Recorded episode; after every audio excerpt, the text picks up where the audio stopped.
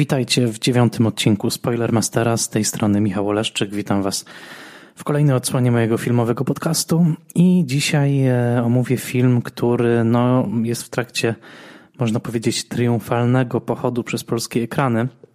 Ku mojemu zaskoczeniu, pewnego razu w Hollywood, bo o tym filmie mówię, e, okazał się ogromnym sukcesem kasowym już w pierwszy weekend wyświetlania e, tego filmu w Polsce. E, ponad 300 tysięcy widzów to znakomity wynik. Jest to wynik, o jakim marzą kiniarze i marzą filmowcy.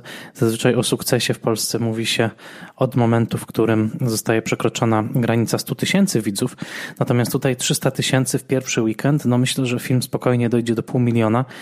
I e, co ciekawe, e, chodzą na ten film nie tylko młodzi ludzie, nie tylko ci, którzy są fanami Tarantino i ci ludzie niekoniecznie się muszą zaliczać do młodych, ale także, mm, co zauważyłem z ciekawością, chodzą na ten film osoby w wieku średnim i trochę starszym. Być może skuszeni wizją nostalgicznego Hollywoodu, być może także po to, żeby zobaczyć Rafała Zawieruchę jako Romana Polańskiego, ale faktem jest, że kiedy ten film oglądałem drugi raz, mm, drugi raz e, wybrałem się do IMAXa, żeby smakować szczegóły wizualne i to rzeczywiście było niezwykłe przeżycie. E, siedziało wokół mnie mnóstwo osób e, po pięćdziesiątce, osób, które myślę, że chodzą do kina raz na jakiś czas, pewnie na te najbardziej prestiżowe filmy, te, o których najczęściej się e, mówi jako o ważnych. I to bardzo, bardzo interesujące. Mój kolega z Krakowa także podzielił się taką obserwacją, że na sali było sporo osób E, poza tym, że było dużo osób młodych, tudzież około 30, że także były to osoby około 50, które tak często znowu e, z domu do kina w Polsce e, niestety nie wychodzą i które często mogą się czuć troszeczkę mm, pominięte w ofercie. To bardzo interesujące i bardzo się cieszę, że ten film ma takie wyniki. Ma także świetne wyniki na świecie. Już zarobił 180 milionów dolarów i jest bardzo chętnie oglądany, także mm, myślę, że to y, jest taki wspaniały powrót Tarantino i do formy, i do kasowej, także e, e, no, formy po nienawistnej ósemce, która niemalże podążając za swoim tytułem stała się nienawistna e, w oczach recenzentów, bo to najgorzej przyjęty film Tarantino, ale także, który e, nie poszedł aż tak dobrze e, w kinach. Dużo osób czuło, że był to film e, za długi, przegadany, już przekraczający tą masę krytyczną, jeżeli chodzi o przegadanie, a także dopiero przy tym filmie tak mocno wiele osób wytknęło Tarantino nihilizm w stosowaniu przemocy i także w ukazywaniu przemocy wobec kobiet. To jest temat szeroki, na pewno do niego wrócę w trakcie tego podcastu. W każdym razie z radością stwierdzam nie tylko, że to jest powrót do formy, ale dla mnie pewnego razu w Hollywood to jeden z najlepszych filmów Tarantino w całej jego numerowanej filmografii, bo jak wiemy, to jest reżyser, który numeruje swoje filmy i e, robi to na różne sposoby, dowcipne, ale także buńczuczne. To znaczy nie tylko ósmy jego film nazywał się Nienawistną ósemką, ale także był reklamowany jako właśnie ósmy film Quentina Tarantino. Obecnie w trailerach do pewnego razu w Hollywood było wyraźnie napisane, że jest to dziewiąty film w karierze Quentina Tarantino. Jest to absolutny unikat. Nikt tak nie robi, nikt tak nigdy nie robił w historii kina, żeby numerować swoje filmy w trailerach. Innymi słowy, czyniąc to, reżyser wskazuje na jakieś ogromne znaczenie, jakie nie tylko on przywiązuje do swoich filmów, ale także jakie my powinniśmy e, w jego oczach przywiązywać do jego dzieł. Wcześniej pozwolił sobie na to tylko Federico Fellini, a i tak robił, zrobił to pośrednio, tytułując swój film 8 i pół. Co ciekawe, i tutaj y, muszę najpierw uporządkować kilka rzeczy, zanim zacznę analizować ten film, bo już się wypowiedziałem na temat tego filmu i, i, sporo swoich obserwacji zawarłem. Nie powtórzę ich wszystkich w tym podcaście, bo chciałbym, żeby te rzeczy się uzupełniły, mianowicie w poście, który zamieściłem na swoim Facebooku. Tutaj zachęcam do śledzenia mojego profilu, bo jest e, on tak naprawdę miejscem, w którym często się wypowiadam o filmach i piszę o filmach, więc zachęcam do, do śledzenia, ale także wrzuciłem ten post na mm, mojego bloga. Ostatni fotel po prawej stronie. To nie jest najbardziej aktywna strona świata, bo niestety nie mam czasu, żeby ją update'ować jakoś bardzo często, ale zaglądajcie tam, jeżeli interesuje Was to, co mówię o filmach, bo ilekroć zdarza mi się napisać coś dłuższego, to tam albo wrzucam tekst w całości, albo linkuję do niego, jeżeli jest to rzecz, którą opublikowałem chociażby na Filmwebie czy w innym miejscu, gdzie, mm, gdzie pisuję. Także o pewnego razu w Hollywood napisałem już coś w rodzaju mini eseju. Zatytułowałem to moich 9,5 myśli o e, pewnego razu w Hollywood i zachęcam Was, żebyście tam sięgnęli e, niezależnie od tego podcastu, bo na pewno wszystkiego, e, co powiedziałem w tym tekście, dzisiaj w podcaście nie przywołam.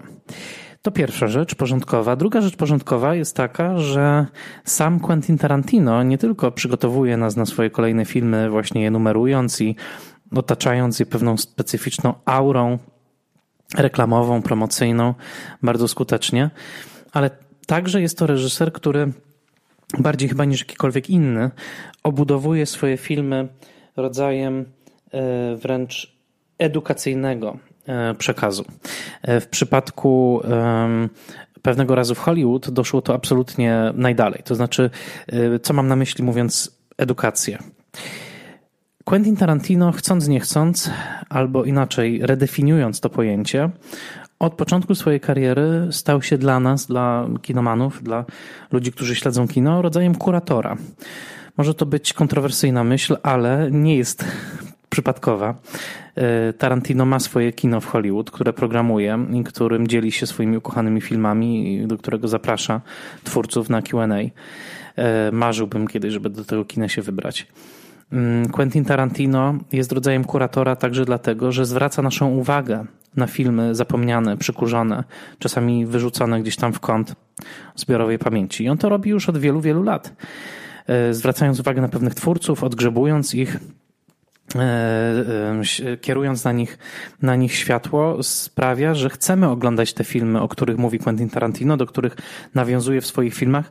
I dzięki temu mam wrażenie, wiele osób, w tym na pewno ja, odkryło więcej filmów chociażby Black Exploitation, przy okazji Jackie Brown, bo przecież tam dokładnie to zrobił Tarantino, to znaczy wyciągnął z zapomnienia fantastyczną aktorkę Pam Grier, która naprawdę nie, nie miała zbyt wielkiego zatrudnienia w Hollywood lat 90. Tymczasem on, który zakochał się w niej, w jej rolach z lat 70. na czele z Foxy Brown, e, wyciągnął ją e, z zapomnienia, nazwał swój film Jackie Brown e, i, i tak naprawdę sprawił, że pokolenie kinomanów, troszkę młodszych od niego, zakochało się w kinie Exploitation i tak samo dotyczy to wielu innych gatunków, twórców. E, przy okazji e, Hateful Eight były to chociażby spaghetti westerny, nieprzypadkowa rola Ennio Morricone jako twórcy muzycznej ilustracji i tak dalej, i tak dalej. Więc w to, że Quentin Tarantino jest jednym z najbardziej takich mocarnych i, i pełnych możliwości wpływania na kulturę popularną kuratorów naszej kultury popularnej jest dosyć jasne.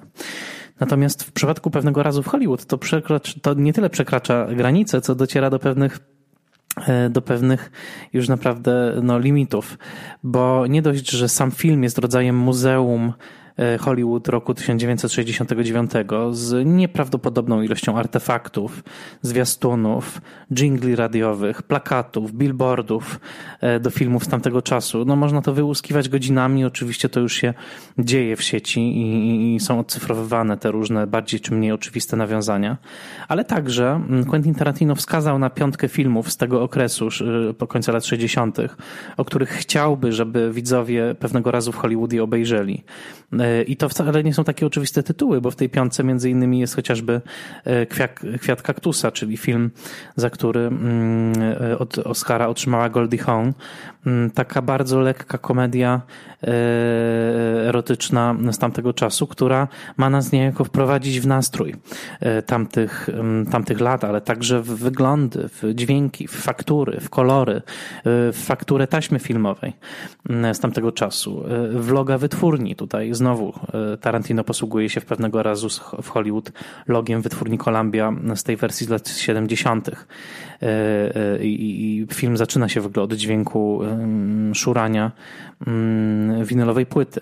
Więc on zwraca na te wszystkie rzeczy uwagę. Co więcej, wypuścił trzyczęściowy podcast, który jest już zamknięty, z tym, że jest oczywiście dostępny w sieci, tylko nie będzie więcej odcinków. Polecam, wpiszcie sobie Quentin Tarantino. Tam w trzech godzinnych odcinkach jest długi, długi wywiad z e, Quentinem Tarantino dotyczący jego e, ukochanych filmów, właściwie takiej piątki wybranej przez, przez niego na tę okazję właśnie pewnego razu w Hollywood.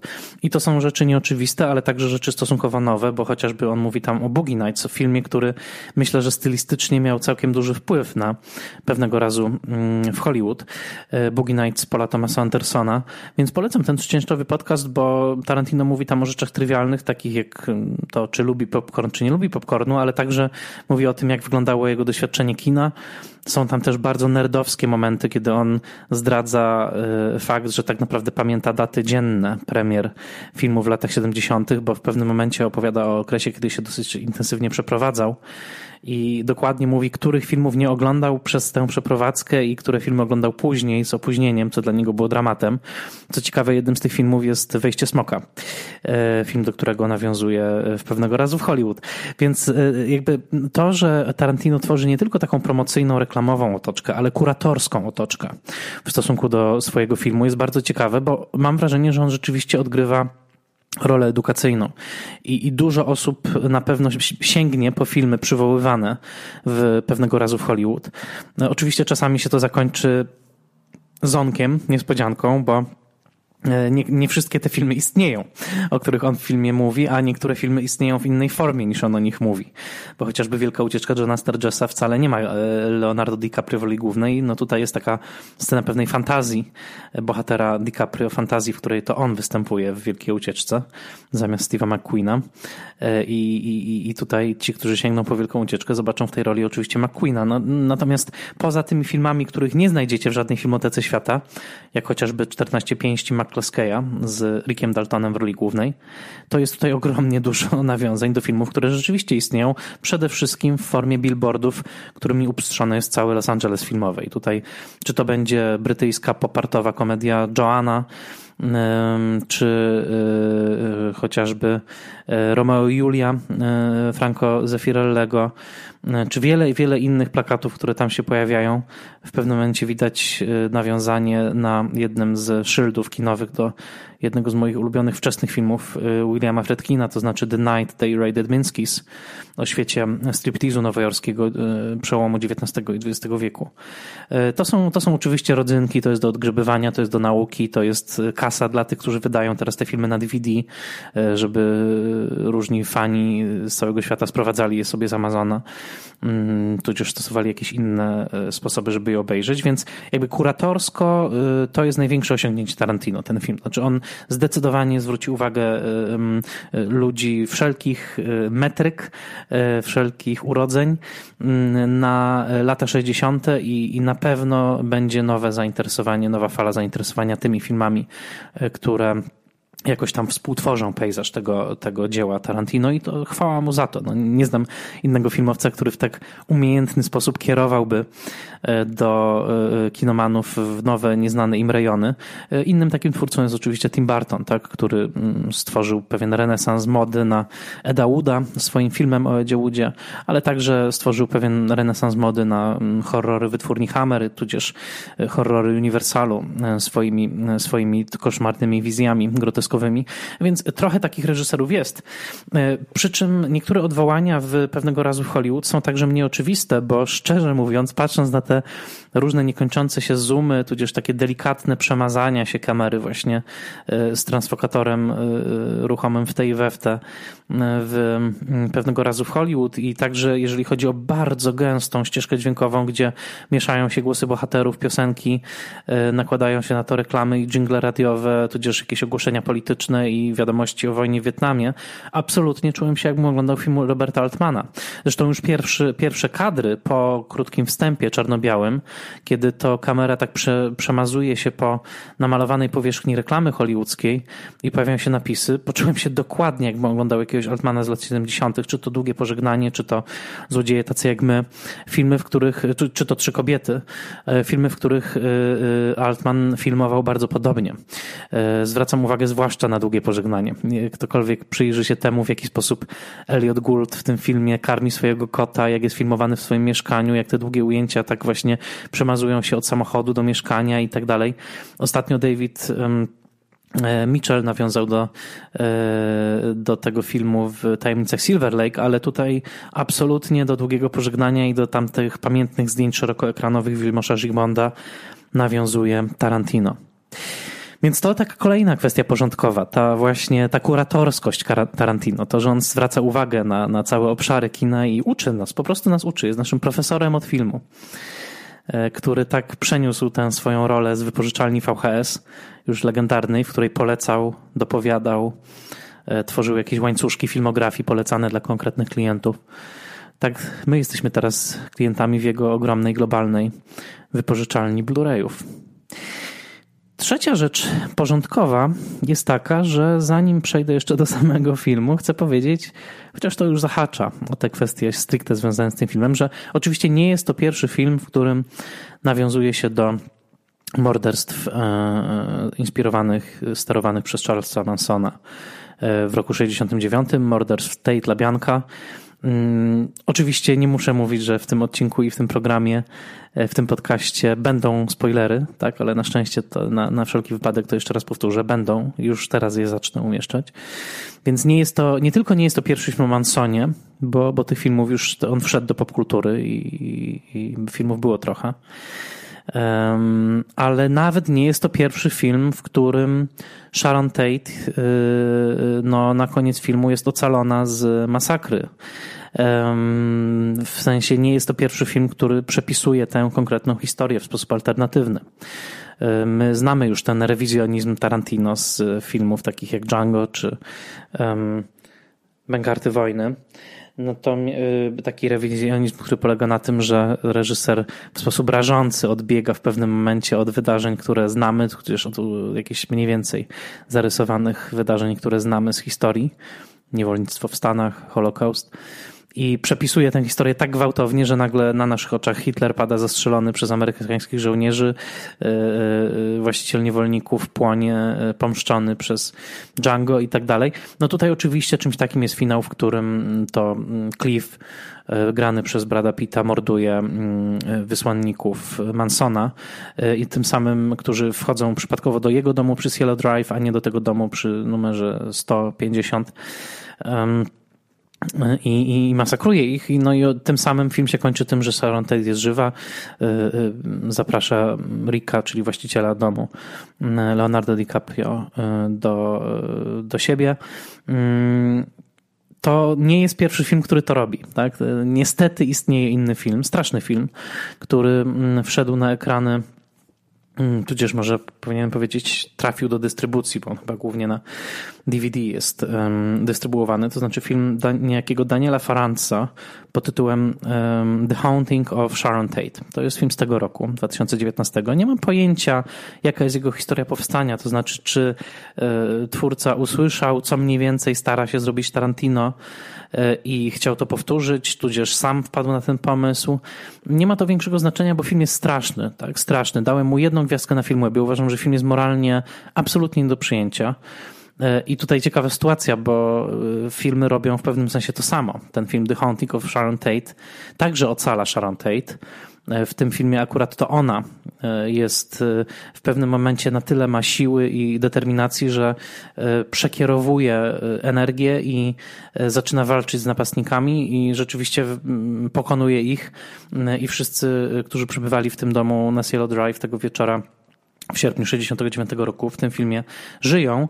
E, cały film jest na to przygotowany tym, że Sharon Tate, tutaj zagrana przez Hilary Duff, e, gada i gada i gada o tym, że e, nasz los można zmieniać, że nic nie jest zapisane w kamieniu, że żyjemy alternatywnymi historiami.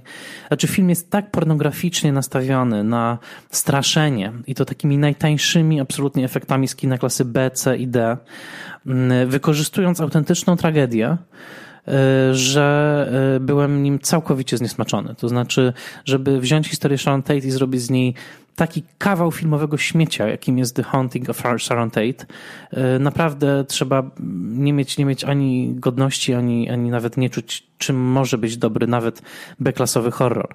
Jest to film beznadziejny. Nie polecam go. Mm, żałuję, że zainwestowałem kilka funtów na używanym Amazonie, żeby go obejrzeć z czystej ciekawości. E, zaraz się odniosę do kwestii, do kwestii tego, mm, w jaki sposób Sharon Tate jest przedstawiana u Tarantino, ale już jakby samo porównanie z tym strasznym filmem The Haunting of Sharon Tate pokazuje, jak bardzo Tarantino tak naprawdę w jakim dużym stopniu, o czym także pisze w swoim tekście, ale tutaj powtórzę, tworzy w swoim filmie pewnego razu w Hollywood pewną wizję moralną. E, z dosyć mocno ulokowanym moralnym centrum. E, tego moralnego centrum w filmie The Haunting of Sharon Tate na pewno nie ma, a miarą tego, że Tarantino nie tworzy czegoś, co by pasożytowało, jakoś bazowało w sposób wulgarny, mm, koniunkturalny na tragedii Sharon Tate, jest chociażby to, w jaki sposób ewoluowała postawa siostry Sharon Tate, czyli Debry, która była bardzo zniesmaczona, kiedy dowiedziała się, że Tarantino robi ten film. Y, wypowiadała się negatywnie o tym zamiarze. Powiedziała, że jest to absolutne bazowanie, żerowanie na tragedii jej siostry. Po czym, kiedy Tarantino przesłał jej scenariusz, e, zaprosił ją na plan, ona powiedziała, że absolutnie zmienia zdanie, szanuje, i tutaj ciekawa fraza, bo ona w wywiadzie powiedziała, że szanuje e, moralną spójność tego, co robi Tarantino. To po pierwsze, a po drugie, zaufała Tarantino w tak dużym stopniu i tak bardzo jakby zachwycił ją ten sposób, w jaki on pokazuje Sharon Tate, e, że użyczyła Margot Robbie, która gra Sharon Tate u Tarantino, użyczyła e, biżuterii, która należała do Sharon. Więc e, część tej biżuterii, którą ma na sobie Margot Robbie w filmie Tarantino, to jest autentyczna biżuteria Sharon Tate, e, użyczona przez siostrę, więc w pewnym sensie można tutaj mówić o takim głębokim zaufaniu. I ja się nie dziwię, bo mimo, że jest to szokujące, ten, ta, ta, ta przewrotka na końcu i yy, wydaje się w pewnym momencie, że jest to po prostu jakieś zupełnie pozbawione szacunku przepisywanie historii w kluczu krwawego, krwawej masakry, która karze tym razem członków Mansona, rodziny. E, to jednak jest zupełnie inaczej. Jest to coś wiele głębszego i zaraz o tym powiem. Natomiast zanim przejdę, to domknę jeszcze ten punkt, mianowicie wcześniejsze portrety Masona na ekranie i zwrócę uwagę na jeszcze jeden dosyć interesujący film, film, który niesłychanie się zestarzał, ale który pokazuje, jak szybko media i telewizja rzuciły się na historię Sharon Tate jako możliwą pożywkę dla, dramatur dla dramaturgii, dla kina fabularnego. To jest film pod tytułem Helter Skelter z roku 1976. Jest to film telewizyjny w reżyserii Toma Greasa. Trwa 3 godziny i 5 minut. To jest, oczywiście był wyświetlany w częściach. I jest takim, typ, taką typową dokudramą z amerykańskiej telewizji lat 70., więc w pewnym sensie jest na tym spora, gruba warstwa takiej no, już oldschoolowej patyny, która nie działa dobrze dla tego filmu, ale jest tam no, ciekawa rzecz, to znaczy jest tam rola Steve'a Railsbacka jako Mansona, który, która pokazuje, że rzeczywiście ani kino, ani telewizja na tym etapie nie potrafiły się zmierzyć z, taką, z takim rozmiarem demonicznego zła, tudzież nihilizmu, psychopatologii, jaką reprezentował Manson e, e, w tamtym momencie w popkulturze. Te morderstwa były takim szokiem, persona Mansona była tak ogromnym szokiem dla, dla popkultury, dla całej kultury tak naprawdę Zachodu w tamtym, w tamtym okresie, że ten film sięga po jakieś absolutne klisze w prezentowaniu tego e, zionącego złem, uśmiechającego się diabolicznie Mansona. Steve Railsback to jest bardzo dobry aktor, uwielbiam go w filmie Kaskader z przypadku, notabene Kaskader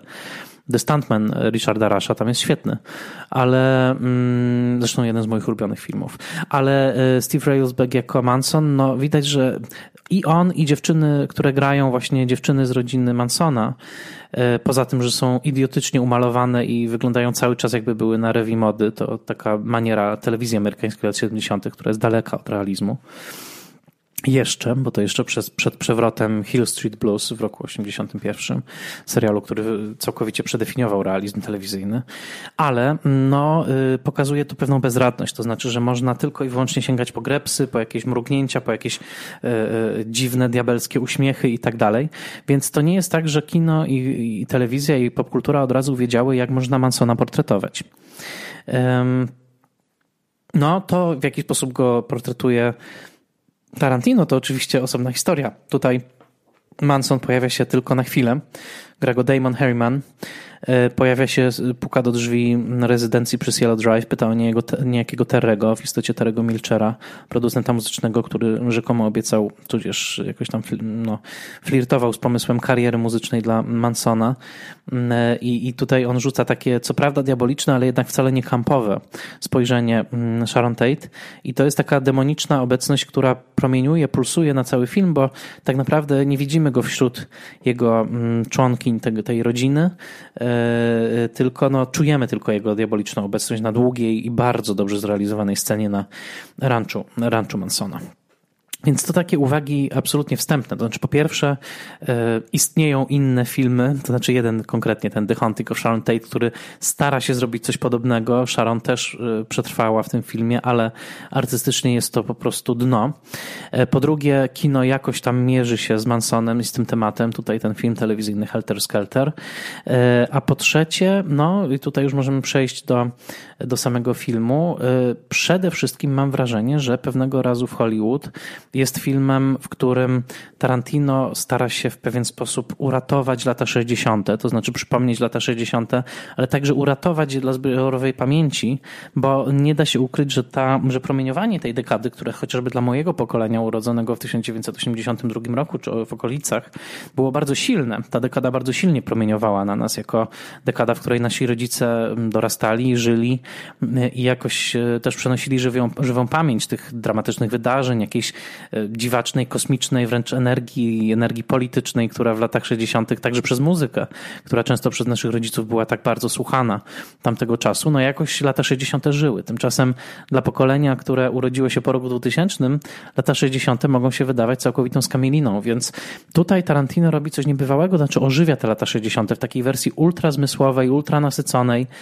Mm, ten film pod względem detalu i tego, jak Tarantino rozsmakowuje się w tym detalu, e, tworząc cały świat chwilami niesłychanie rozległy, za pomocą oczywiście też efektów komputerowych, e, ulic, skrzyżowań, na których jak daleko okiem sięgnąć, jeżdżą tylko i wyłącznie samochody z epoki. Wszystko jest zalane słońcem, które no, wciąż może jeszcze było trochę niespokojne, jak mówiło się wtedy o, o słońcu. Wszystkie ubrania w przeciągu paru mil, jak patrzymy w głąb kadru, wszyscy są ubrani tak, jak powinni być ubrani w roku 69. E, więc wizualnie jest to absolutne no, zalanie nas wręcz e, mnogością doznań, wrażeń, kolorów, e, kształtów, tekstur. Jest to nieprawdopodobny efekt. Ja myślę, że tylko jeden twórca w historii kina tworzył rzeczy równie nasycone detalem i równie rozsmakowane w trwaniu w danej chwili, w przeszłym czasie. E, to znaczy wydłużaniu tych fragmentów, kiedy nic się rzekomo nie dzieje, a my możemy wchłaniać e, te demonstrowane obrazy, to był, to był Visconti. To był Lukino Visconti, zwłaszcza w tych filmach realizowanych od e, roku 63 wzwyż. Mam tutaj na myśli nagrodzonego Złotą Palmą Lamparta, i późniejsze jego filmy, takie jak chociażby Niewinne, czy Ludwik przede wszystkim, w których chodziło właśnie o to, żeby bogactwo inscenizacji, długich ujęć, bogactwo scenografii, bogactwo detalu i te niesłychanie długie, często też transfokujące ujęcia, które chociażby śledzą Gustawa Aschenbacha i jego fascynację erotyczną, czyli Tadzia w... Mm, śmierci w Wenecji. No chodziło o to, żebyśmy chłonęli te detale. I e, drugi taki twórca to jest dla mnie Andrzej Tarkowski, jego film Andrzej Rublow, który odtwarza XIV-wieczną Ruś w taki właśnie nieprawdopodobnie detaliczny, zmysłowo odtworzony, e, ujęty w szerokich kadrach cinemaskopowych świat, który notabene też jest skupiony na artyście, którego czas mija. Tutaj tam to jest Rublow, tutaj to jest Rick Dalton. Ale tak, Visconti Conti i Tarkowski to są dla mnie jedyni twórcy, być może jeszcze Michael Cimino, te pierwsze 30 minut Wrót Niebios, e, Heaven's Gate, gdzie, gdzie widzimy koniec, e, e, znaczy odbieranie dyplomów na uczelni i cały ten rytuał, tudzież inspirowany oczywiście Viscontim, jego scena wesela w, w Łowcy Jeleni, którą tak nieudolnie potem próbował naśladować Wojciech Smarzowski w Wołyniu. To wszystko są takie właśnie momenty kinematograficzne, kiedy bogactwo scenografii, ogromne, szerokie kadry, powolny montaż, dyskretne, zmysłowe ruchy kamery sprawiają, że zanurzamy się w przeszłość i to oczywiście jest pomnożone w IMAXie, bo jeżeli pójdziemy do IMAXa, to tak jak ja to zrobiłem, to, to, no to tym bardziej to, to wszystko nas y, ogarnia. Więc, y, więc tak, Tarantino jakby no chce w ten sposób jakby zatopić w bursztynie e, lata, lata 60., e, zakonserwować niejako w tym filmie, żeby już zawsze, tak jak w Puszce Pandory, e, no można było po wieki wieków ten film sobie odtworzyć, zobaczyć, a tak to było, tak? I być oczarowanym znowu tym czasem, kiedy tak wiele się zmieniało, kiedy tak wiele wspaniałej sztuki powstawało, kiedy niepokój był ogromny, ale ekstaza równie silna. Więc to jest to, jest to. i oczywiście no, on też chce ocalić te lata 60., ocalając Sharon Tate, której śmierć była często pojmowana jako koniec kontrkultury. To znaczy jako ten moment, kiedy kontrkultura, hipisi zaszli za daleko. Tak? Tutaj pewien błąd poznawczy y, utożsamiający rodzinę Mansona z hipisami jako takimi, ale jednak no, popełniony błąd w kulturze i pewna generalizacja, to znaczy przekonanie, że takie it's too much, tak? it went too far. E, powinniśmy być bardziej konserwatywni, bardziej uładzeni. E, no tutaj jakby ocalając Sharon Tate, e, unieważniając morderstwa Mansona, sprawia Tarantino, że tak jakby no w takim razie lata 60. nie muszą się kończyć, tak? Skoro Skoro Sharon żyje, skoro nie było tego demonicznego mordu, lata 60. są uratowane. Więc dla mnie to absolutnie jest główny cel Tarantino w tym filmie, tak? Czyli żeby wywołać te lata 60. jak ducha i żeby następnie go zakonserwować, ożywić na zawsze, unieśmiertelnić. I unieśmiertelnić Sharon Tate, która w tej wspaniałej kreacji Margot Robbie, która co prawda nie ma wielu linijek dialogowych, jak wykazało już wielu krytyków tego filmu, ale to nie linie dialogowe budują tutaj tę postać i ten koncept. Bo zapewniam, że Hilary Duff w filmie y, The Haunting of Sharon Tate ma mnóstwo linii dialogowych, które są tak głupie, bez, beznadziejne, że cała postać jest jedną wielką potwarzą dla Sharon Tate. Natomiast tutaj Tarantino mówi o tym z jednym wywiadu, że rodzajem hołdu dla Sharon Tate jego w tym filmie jest to, żeby wywołać jej obecność na ekranie. Żeby sprawić, że możemy z nią po prostu pobyć. Jak śpi, jak słucha muzyki, kiedy chodzi po Los Angeles, kiedy ogląda samą siebie na ekranie w filmie The Wrecking Crew, filmie, o którym wszyscy mówią, jakby go widzieli. Jestem ciekaw, ile osób go naprawdę widziało. Ja go nie widziałem. Bardzo chciałbym go zobaczyć. Niestety nie umiem go znaleźć. Nigdzie nie jest wydany na DVD. E, nie ma jeszcze wznowienia, więc czekam. Natomiast tak wszyscy mówią, o The Wrecking Crew, The Wrecking Crew. Tak jakbyśmy wszyscy widzieli The Wrecking Crew. Myślę, że jest tylko parę osób, które widziało The Wrecking Crew. E, no, ja nie widziałem w każdym razie. Bardzo, bardzo chciałbym zobaczyć. Natomiast te wszystkie momenty to jest takie, no, mm, apoteoza, beatyfikacja wręcz ekranowa. E, Sharon Tate.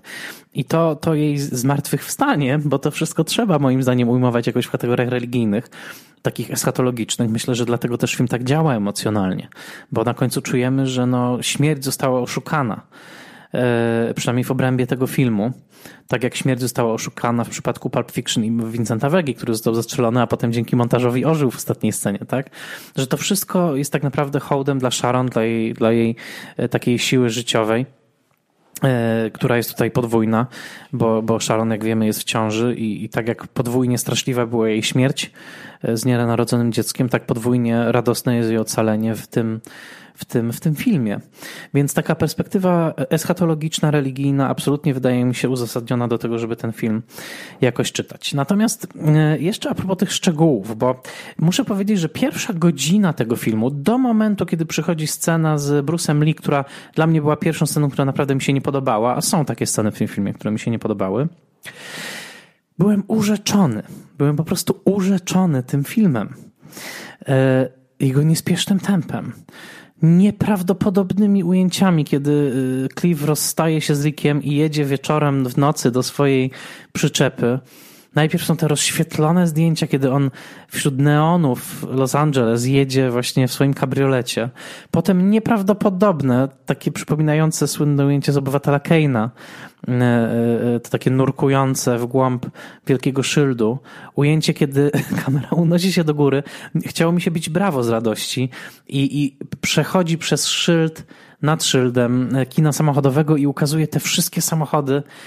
Trwa seans trwa reklama e, zwiastun trailerów, znamy tę melodyjkę, bo ona też była w Grindhouse'ie. I nagle rozświetla się światło projektora, które świeci prosto na nas i nagle cała sala nasza tutaj w Cinema City jest rozświetlona. Jest to nieprawdopodobny moment i, i ten moment, w którym Cliff podjeżdża pod swoją przyczepę, jednocześnie widzimy wydobywaną, pompowaną ropę, ten taki kalifornijski typowo widok w tle. Lecą zwiastuny zwiastuny w tym kinie samochodowym. On otwiera swoją przyczepę, przy której stoją hantle do ćwiczenia i stoi krzesełko, na którym on sobie czasami odpoczywa i siedzi. Wchodzimy do tej przyczepy, w której ktoś śpiewa w telewizji mm, y, y, y, jakąś piosenkę, chyba MacArthur Park. E, to jest niebywale dotykalne, taktylne, zmysłowe, wypełnione tymi melodiami tamtego czasu, jinglami radiowymi, tymi wszystkimi zwiastunami, takimi jak The Illustrated Man, ale nie tylko, reklamami olejków do opalania, samoopalaczy. Znaczy, ja, ja po prostu dawno nie przeżyłem czegoś tak pełnego, zmysłowego w kinie, jak ta sekwencja. Oczywiście w IMAXie, kiedy już mogłem w datalu i też nie musiałem aż tak śledzić fabuły, mogłem się przyjrzeć temu, co, co robi Tarantino i jakie tam ciekawe szczegóły umieszcza w tym kadrze, to cała sekwencja przygotowywania kolacji przez Cliffa jest jednym wielkim, wspaniałym żartem.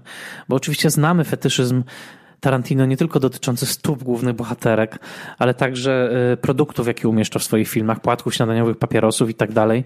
Zresztą w tym filmie można usłyszeć przez moment jego głos, kiedy y, pojawia się jako reżyser y, reklamy mm, papierosów Red Apple.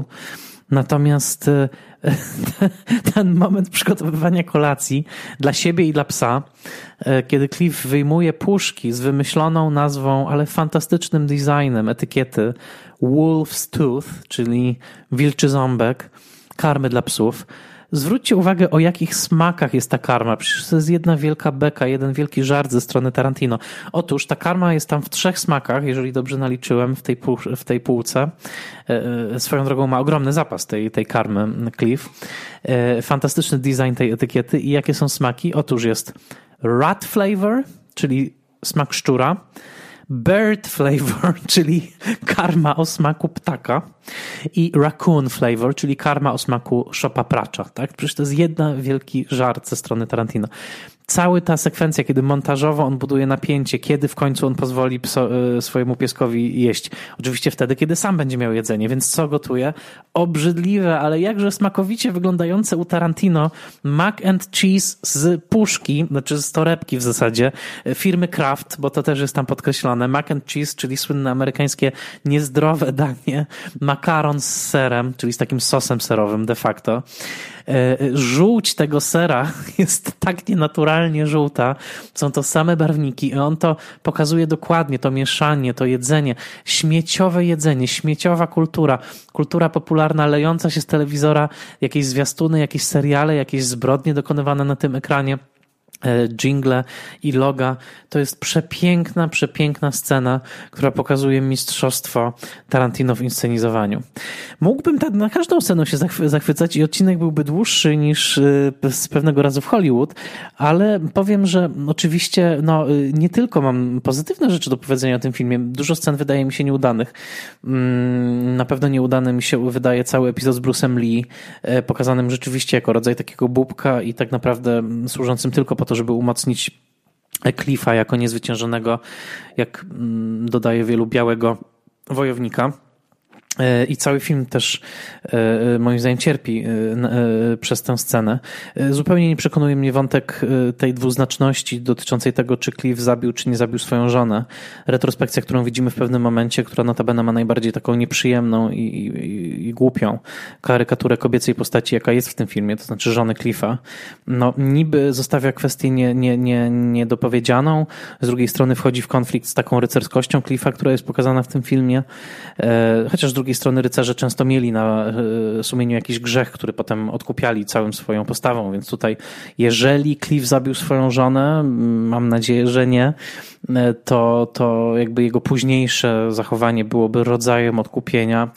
Jest to bardzo wątpliwe, dlatego tak mówię to w dużym, dużym cudzysłowie, ale e, no, jest, są tutaj takie momenty. Dla mnie cały zainscenizowany western, w którym gra Rick jest trochę za długi i, i niepotrzebnie. To jest tak przyciągnięte te sceny, kiedy widzimy go grającego postać. Notabene Rick jest pokazany jako niezły aktor, taki profesjonalista hollywoodzki tamtego czasu, końca lat 60. E, nie wiem skąd opinie, bo już też to słyszałem, że Rick jest pokazany jako słaby aktor. Absolutnie nie. Rick, Rick jest pokazany jako profesjonalista hollywoodzki, który nie może być gwiazdą, bo nie ma star quality, ale który absolutnie stawia się na planie, robi to, co do niego należy e, i, i stara się. Tym razem jest w kryzysie, w depresji, więc idzie mu to trochę gorzej, ale, ale on dobrze gra. To jest, to jest solidny, telewizyjny aktor, który chciał być wielką gwiazdą filmową i mu się to nie udało. I w tym sensie oczywiście Jest to postać w dużej mierze wzorowana na e, Taju Hardinie, o którym jest ciekawy mm, tekst w najnowszym film Komencie, gdzie notabene polecam e, Once Upon a Time in Hollywood jest okładkowym tematem. Jest bardzo dobry esej Nicolasa Rapolda na temat tego, tego filmu, więc polecam też, jest duży artykuł o Taju Hardinie. I zresztą tych inspiracji, tego jakby tych klocków, z których postać Rika została zbudowana jest więcej, tak samo jak postać Cliffa.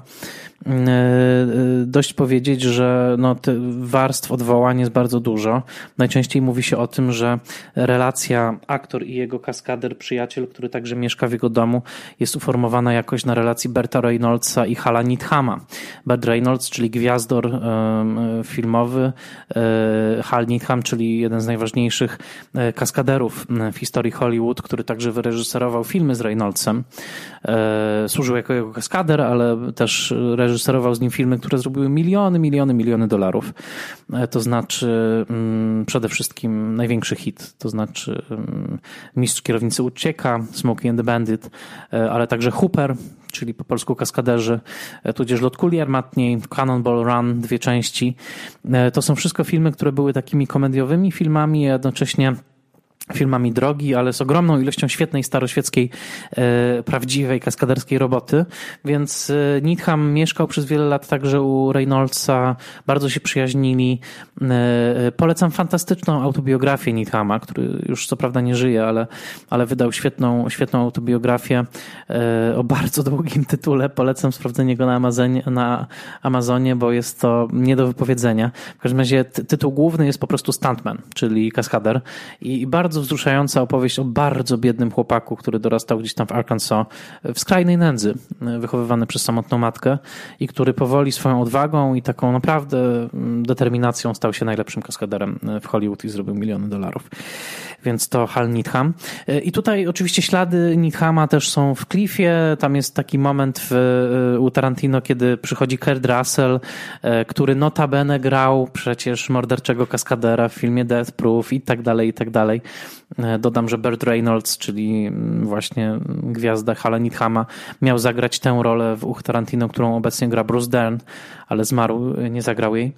Natomiast jest, to są takie momenty, tak? Kurt Russell na przykład mówi w pewnym momencie do, do Rika, że niech ci się nie wydaje, że to jest jakiś plan jak, e, jak u Andy'ego McLagena. Kim jest Andy McLagan? No to jest Andrew McLagan, który reżyserował wiele westernów i filmów akcji właśnie pod koniec lat 60. Te filmy, nie tylko pod koniec, przez całą dekadę i nie tylko, ale bardzo często pracował z nim właśnie Hal Needham. Chociażby w takim filmie McLintock z, film, z Johnem Wayne'em, najbardziej libertariańskim i prawicowym westernem, jaki można sobie wyobrazić w historii E, tam Nitham też był e, kaskaderem, więc jakby tutaj, kiedy Kurt Russell mówi, że niech ci się nie wydaje, że to jest film Andy'ego McLagena, to, to jest mniej więcej tak, niech ci się nie wydaje, że to jest jakiś film, e, w którym właśnie wystarczy, że jest kilku kaskaderów takich średniej jakości i my sobie poradzimy, tylko potrzebuje czegoś lepszego. Więc, więc rodzynków jest tutaj absolutne mnóstwo, plus jest także mnóstwo rodzynków aktorskich, bo Margaret Qualley, czyli piękna i bardzo podobna do matki, córka Andy McDowell, jako hipiska wskakująca do samochodu e, i próbująca niejako wskoczyć do łóżka także Cliffa, e, to jest, to jest świetna, e, niewielka rola. Są złośliwie obsadzone epizody, na przykład Lena Dunham jako jedna z członkiń rodziny Mansona. Uważam, że to jest genialny pomysł, bo, bo to kino Leny nam, czyli taki, że tak powiem, neo-mumblecore, to jest coś, co wydaje mi się jest na antypodach tego, co interesuje Tarantino. E, jest tutaj świetne nawiązanie i oczywiście miłosny taki gest w stronę spaghetti westernów. Borik staje się gwiazdą spaghetti westernów, więc w trzeciej części e, słyszymy całą litanię tytułów, widzimy plakaty, to wszystko jest stworzone, tych filmów nigdy nie było, ale wygląda to naprawdę jak spaghetti westerna tamtego czasu. Zresztą ilość tych detali stworzonych wokół postaci Rika jest nieprawdopodobna. Na, chociażby na ścianie jego, jego domu jest mm, okładka Mad Magazine z karykaturą jego jako kowboja, no to wszystko musiało być z miłością detalicznie odtworzone, stworzone e, pod tym, pod tym e, kątem. Ten film naprawdę nie ma sobie, e, nie ma sobie równych. Mm, oczywiście postaci drugoplanowe tutaj giną raczej, włącznie z Rafałem Zawieruchą jako Polańskim, który jest bardzo dobry, porusza się bardzo dobrze, wygląda świetnie, jest dobrze ucharakteryzowany, ubrany, ale chociażby już te postaci, mm, chociażby tych pozostałych osób, które miały zginąć w orgii, y, w masakrze, takie jak Wojciech Frykowski, y, tutaj są zaledwie nakreślone jedną kreską.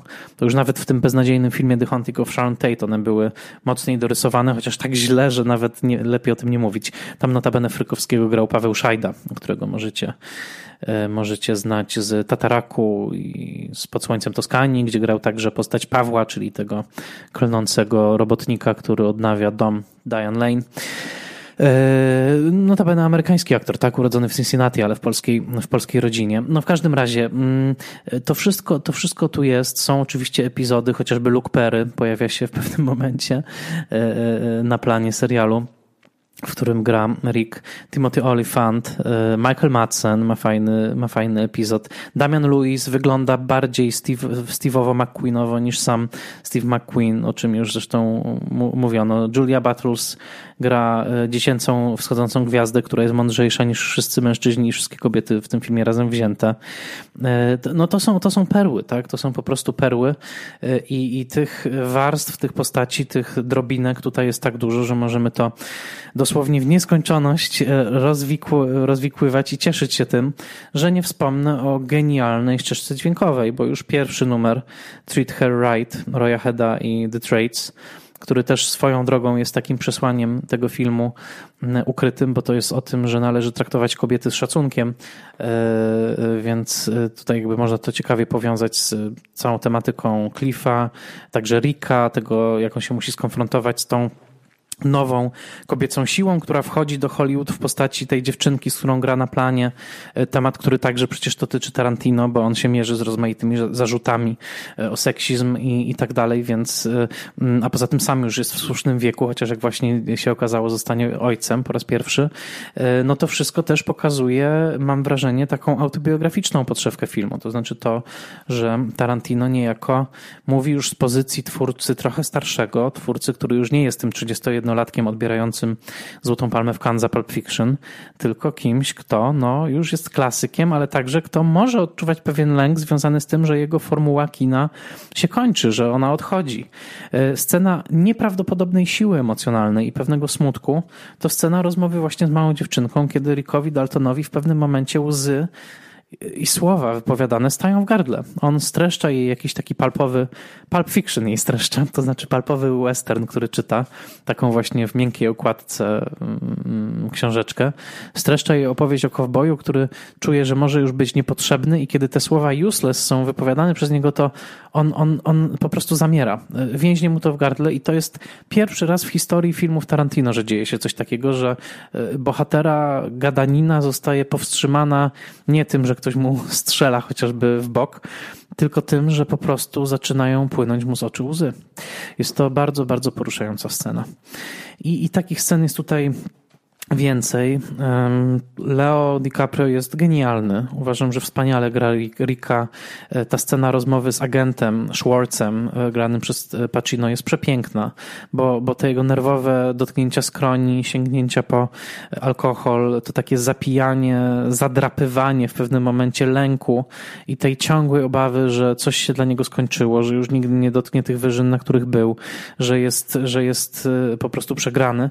To wszystko w tej roli widać. W każdej jego zmarszce, w każdym ruchu. Y, I także w tym takim dzikim głodzie, żeby poznać Polańskiego. Ten moment, kiedy y, Rick opowiada Cliffowi o Polańskim i o tym, że mieszka przecież tutaj już za, za, za, za, dosłownie za moim płotem, że być może, jak on to mówi, I'm one pool party away, czyli jakby tylko jedno przyjęcie przy basenie dzieli mnie od tego, żeby zagrać u Polańskiego. No to, to jest też bardzo poruszające i Ach, chyba jeszcze nie było tak entuzjastycznego Spoilermastera, nie było jeszcze tak entuzjastycznego odcinka podcastu, bo do tej pory na wiele rzeczy narzekałem, ale tak, ja przed tym filmem po prostu kapituluję. E, jego wady mi nie przeszkadzają. To znaczy, tak, były sceny, które mniej mi się podobały, są sceny bardzo wątpliwe. Uważam, że absolutnie należy dyskutować na temat moralności tego zakończenia. Należy też dyskutować na temat tego, jak e, e, Tarantino pokazuje kobiety, bo e, uważam, że są tutaj dwie kobiece karykatury, które są bardzo nieprzyjemne, to znaczy żona Cliffa i żona Rika. Mm, ale pod tym wszystkim, przy całych niedoskonałościach, tylko jakby hello, kto jest doskonały, tak? E, bije nieprawdopodobnie żywe serce twórczości, która, i to jest moje głębokie przekonanie, jest oparta na silnej moralnej podstawie, to znaczy takiej, takiej podstawie ukochania życia, ukochania e, witalności, e, jakiegoś takiego przylgnięcia do ludzi, do ich kreatywności. No przecież co innego celebruje we wszystkich swoich filmach Tarantino, jak nie właśnie piękno i witalność. Sharon Tate w tym filmie jest w tym sensie centrum tego, tego kultu, można powiedzieć. E, jest tutaj jedna scena, która dosłownie sprawiła, że mnie stanęły łzy w gardle. E, to znaczy scena, w której Tarantino odtwarza bardzo zmysłowo moment wejścia e, Sharon Tate do kina na Wrecking Crew i jest tak, że ona idzie pomiędzy fotelami tego kina, a już jest wyświetlany trailer dla jakiegoś C-klasowego filmu i dawno nie widziałem tak pięknie, fetyszystycznie pokazanego ekranu kinowego, ale także wspomnienia pewnej kultury filmowej, która zdecydowanie już, e, już odeszła i do której sam Tarantino zdaje sobie sprawę, że już sam nie należy. E, to znaczy takiej kultury konsumowania kolejnych historii e, w pewnej aurze ich wyjątkowości. To znaczy historie konsumowane na ekranie naszych komórek i przez, streamingi nie, ma, nie będą miały już tej aury, którą nawet najgorsze filmy hollywoodzkie miały pod koniec lat 60., kiedy trzeba było je oglądać w kinie to na nucie, że tak powiem, e, nostalgicznej. Ale przy tym wszystkim, i będę już powoli kończył tę e, symfonię e, zachwytów, jest to film, który jest także rodzajem hmm, przejścia Myślę, że wyzwanie jest duże przed Tarantino dotyczące jego następnego filmu. Pamiętam wywiady, w których on stwierdził, że zrobi tylko 10, więc być może to już będzie finalny, tak? Być może będzie wizją futurystyczną, nie wiem. E, skoro cofnęliśmy się z nim w przeszłość, to teraz może pójdziemy z nim w przyszłość. E, ale jest to film, który dla mnie też ma melancholijną nutę, bo zdecydowanie pokazuje świat, którego już nie ma. I teraz bardzo ważna rzecz.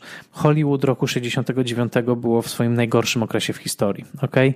To, że Tarantino kieruje takie pełne miłości spojrzenie na ten świat i ten czas, to nie znaczy, że tam ta kultura nie była w ogromnym kryzysie. Była w kryzysie w przesileniu, wytwórnie plajtowały, e, robiły straszne filmy. E, to naprawdę nie jest przypadek, ale prześledźcie sobie filmy największych wytwórni w tamtym czasie i zobaczycie, ile śmiecia się produkowało. To były zdychające dinozaury, te wielkie wytwórnie. Oczywiście twórcy tak zwanego nowego Hollywood na czele z Bobem Raffelsonem, mm, Martinem Scorsese i innymi wykorzystali niejako fakt, że one konały te dinozaury, weszli w ich struktury i stworzyli niesamowite kino, znane jako nowe kino amerykańskie, nowe Hollywood. Ale to, co wytwórnie robiły wtedy, e, w takim, że tak powiem, normalnym trybie, e, to były straszliwe rzeczy. Naprawdę dużo niedobrych filmów w tamtym czasie powstawało, plus dużo bardzo ustandaryzowanej telewizji, która nie miała nic wspólnego z tym, co kojarzymy z telewizją tą jakościową obecnie, ani nawet ze złotą erą telewizji lat 50. w Stanach, tylko taką po prostu masową, kręconą absolutnie i w tej masuwie gra też Rick Dalton. E, więc istotne jest to, że zanurzając nas w ten świat, nadając pewną wartość takiej pracy prostych profesjonalistów, bo to nie są intelektualiści, Cliff i Rick. Nie jest też intelektualistką Sharon Tate, chociaż jest o wiele mądrzejsza od tamtych dwóch. E, to ona kupuje powieść Tess Duberville Polańskiemu, czyli powieść, którą zekranizuje on tak naprawdę w roku 80. Ale to, co Tarantino celebruje w pewnego razu w Hollywood, to jest pewien taki mechaniczny, taśmowy tryb produkcji filmów, który miał swoje ogromne uroki, który dawał zatrudnienie takim ludziom właśnie jak Dalton, takim ludziom jak Cliff, takim ludziom jak Hal Needham, który też nie był żadnym intelektualistą. Wystarczy poczytać jego książkę, żeby zrozumieć, jak tak naprawdę prostym e, był człowiekiem. E, mówię to w dobrym znaczeniu. E, I jakby tego świata już nie ma.